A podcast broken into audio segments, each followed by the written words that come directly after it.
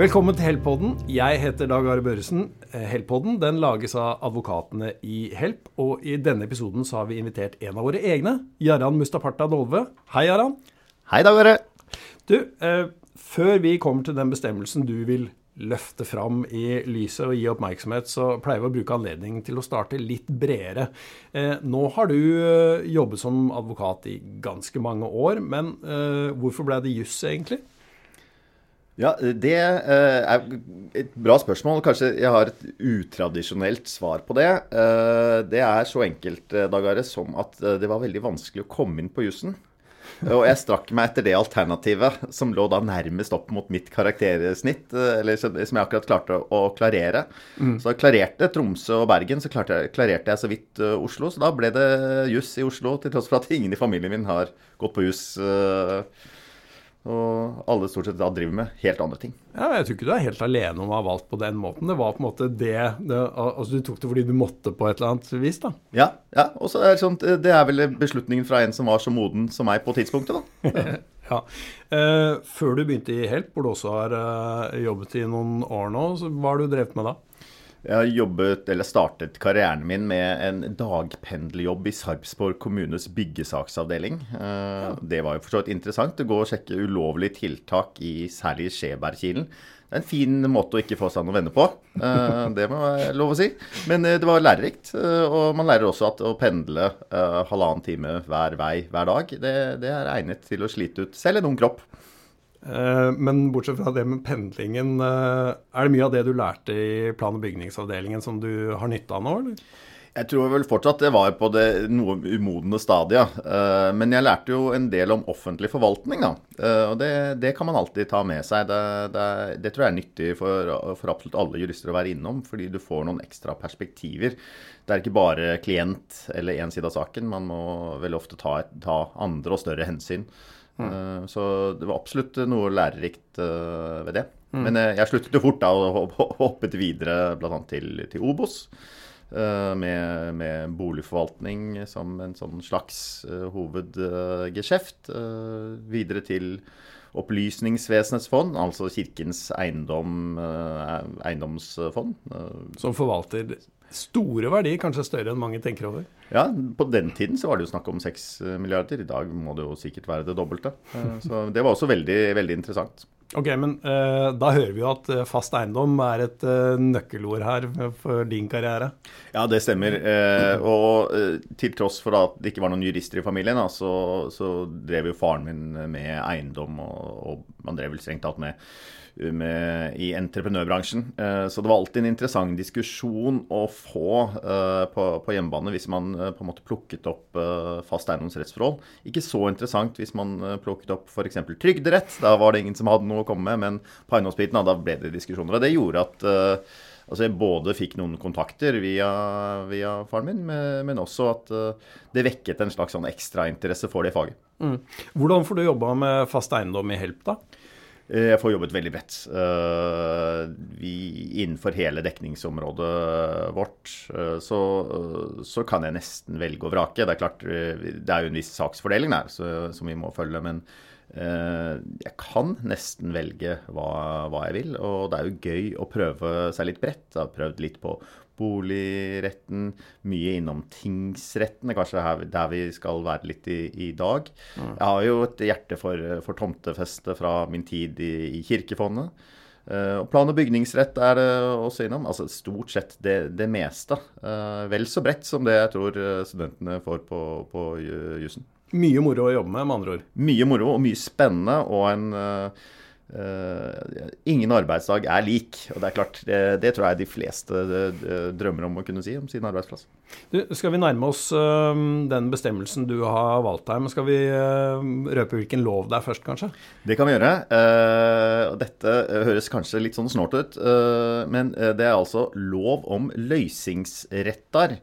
Uh, og lov om løysingsretter kan jeg kanskje si veldig kort hva det dreier seg om. Mm. Uh, det er en lov som omhandler uh, noens rett til å overta en, en, eiendom eller en ting, stort sett da er det snakk om eiendom, på et gitt tidspunkt. og de beste eksemplene, som jeg tror de fleste er kjent med, er de såkalte forkjøpsrettene. Mm. Altså retten til å tre inn i en, en kjøpsavtale foran den som faktisk inngikk avtalen med selger.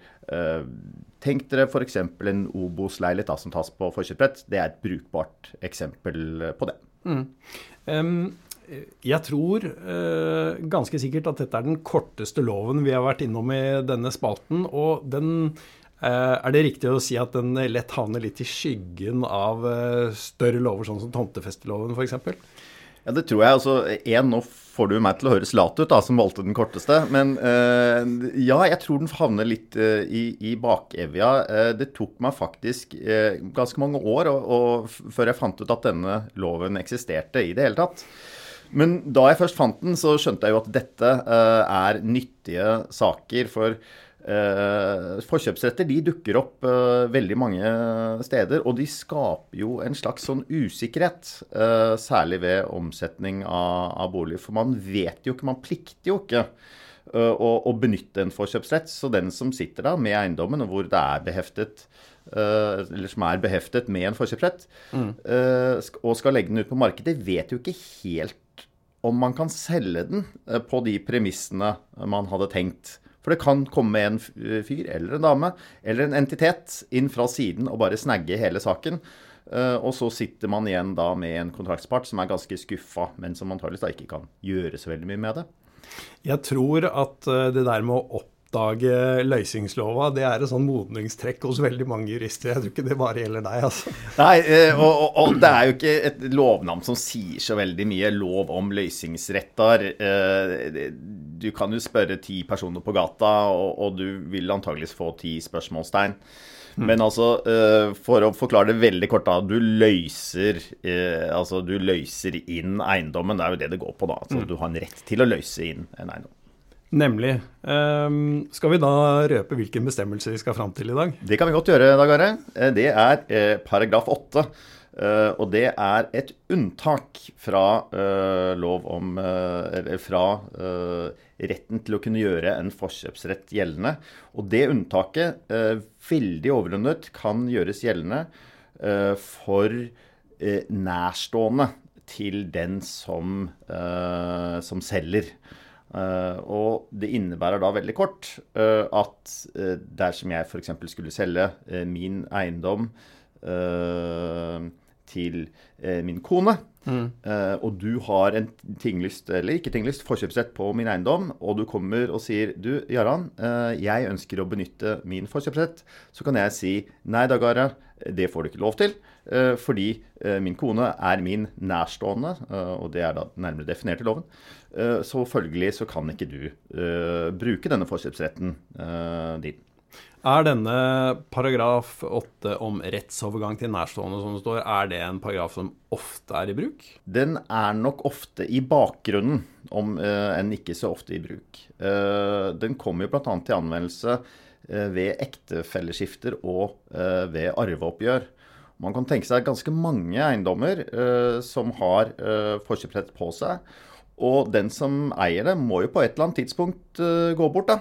Mm. Uh, og det er klart, uh, hvis et uh, ektefelleskifte, da, som det må jo også skje i forbindelse med dødsfall ofte, hvis man er gift, eller et arveskifte skal finne sted, og det kommer inn en del interessenter fra sidelinjen, så ville det komplisere disse skiftene ganske mye. Mm. Disse forkjøpsrettene som du snakker om, er dette forkjøpsretter som må være tinglyst på skjøte? Eh, strengt talt så, så, handler jo tinglysing bare om rettsvern. Eh, så, så, det må det ikke. Eh, men det er det absolutt praktiske. Eh, det er der det vil være synlig eh, for, for, alle. Mm. Hvor vanlig er det at det eksisterer sånne forkjøpsretter da, eh, som gjør det nødvendig å bruke den hjemmelen i paragraf 8?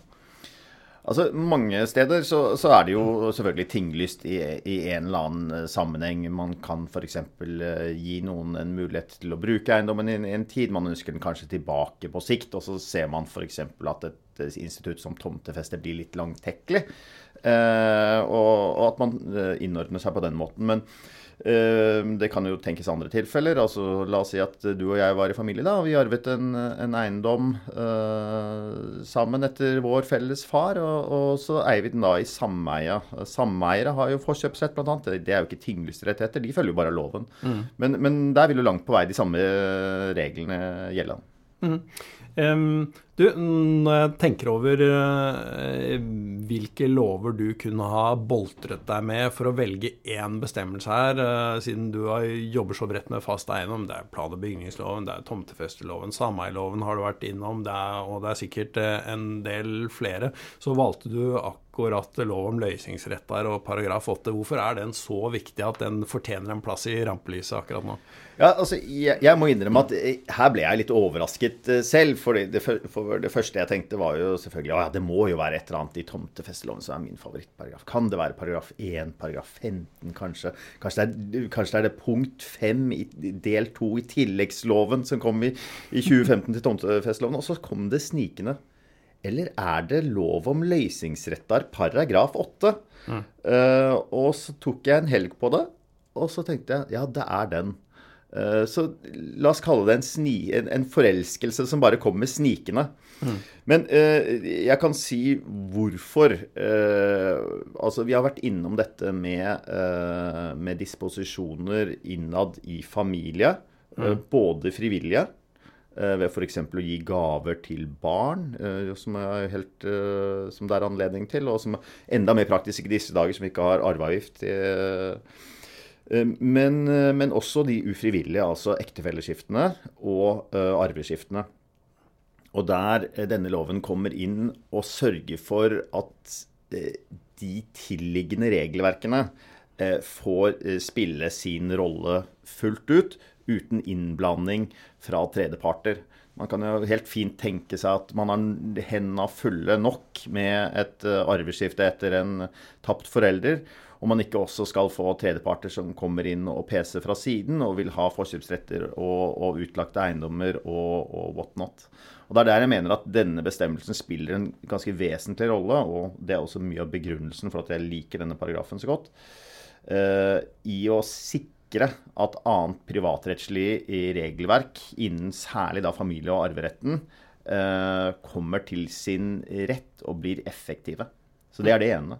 Eh, det andre er at jeg mener at det er en veldig eh, instruktiv og tydelig lov.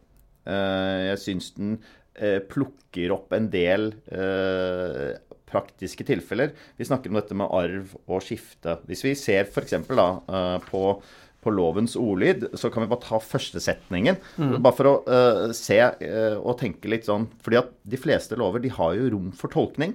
Uh, og da kan man jo bli usikker, og særlig uh, når det kommer til uh, privatpersoner som kanskje ikke er versert innen jussen, må forholde seg til dette. Mm.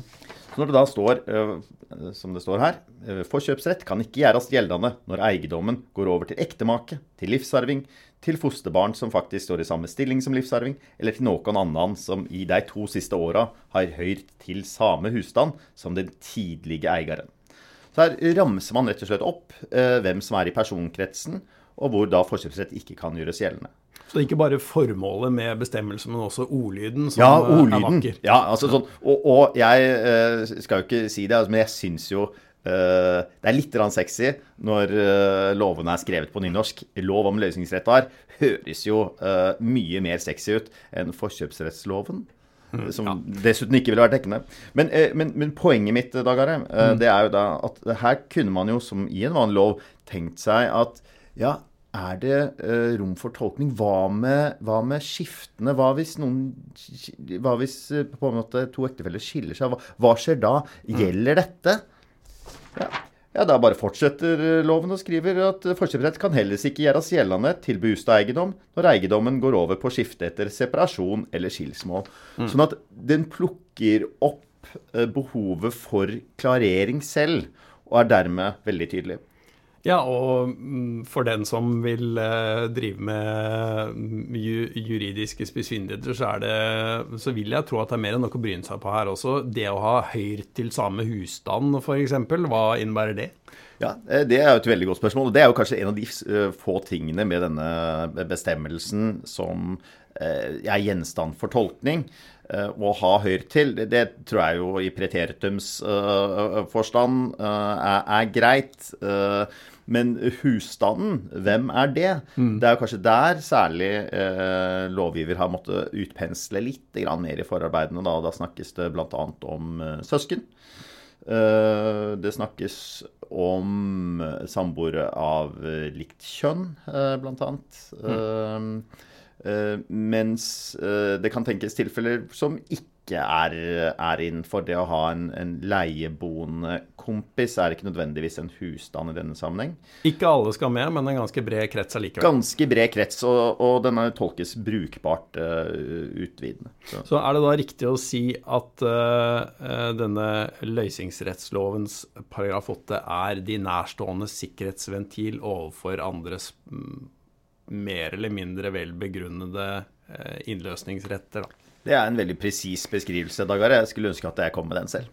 Men du, eh, jeg sier tusen takk for at du eh, løftet eh, både lov om løysingsrettar og særlig paragraf 8 fram i lyset for alle oss som kanskje ikke gikk rundt og tenkte på den akkurat i dag.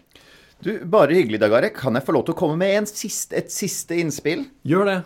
Ja, og da vil jeg rett og slett si at en annen årsak til at jeg syns at denne paragrafen er helt sånn fantastisk god, er at den er så tydelig på uh, fravikelighet. Forkjøpsretter er jo veldig ofte inngått ved avtale. Mm. Uh, og vi vet jo at det er avtalefrihet i Norge, med mindre man har avklart noe annet. Og man kunne jo veldig fint tenke seg at man avtalte en forkjøpsrett hvor det står at jeg vil ha forkjøpsrett til din eiendom uansett. Mm. Helt uavhengig av hvem du overfører den til. Eh, og da står det bare rett ut klinkende klart og flott eh, i uh, ledd nummer to at paragrafen er ufravikelig når det gjelder forkjøpsrett til bostadeiendom og fritidseiendom. Altså, igjen så er vi tilbake til denne tydeligheten. Paragrafen tar seg tid til å virkelig bare mate det inn med teskje, det du trenger å vite. Uh, og det er uh, veldig presist og godt, for av og til så får du den paragrafen er uh, ufravikelig med mindre noe annet fremgår av sammenhengen. Og mating med teskje, det trenger vi vel dessverre nokså ofte. Fra tid til annen. Ja. Tusen takk for at du hørte på.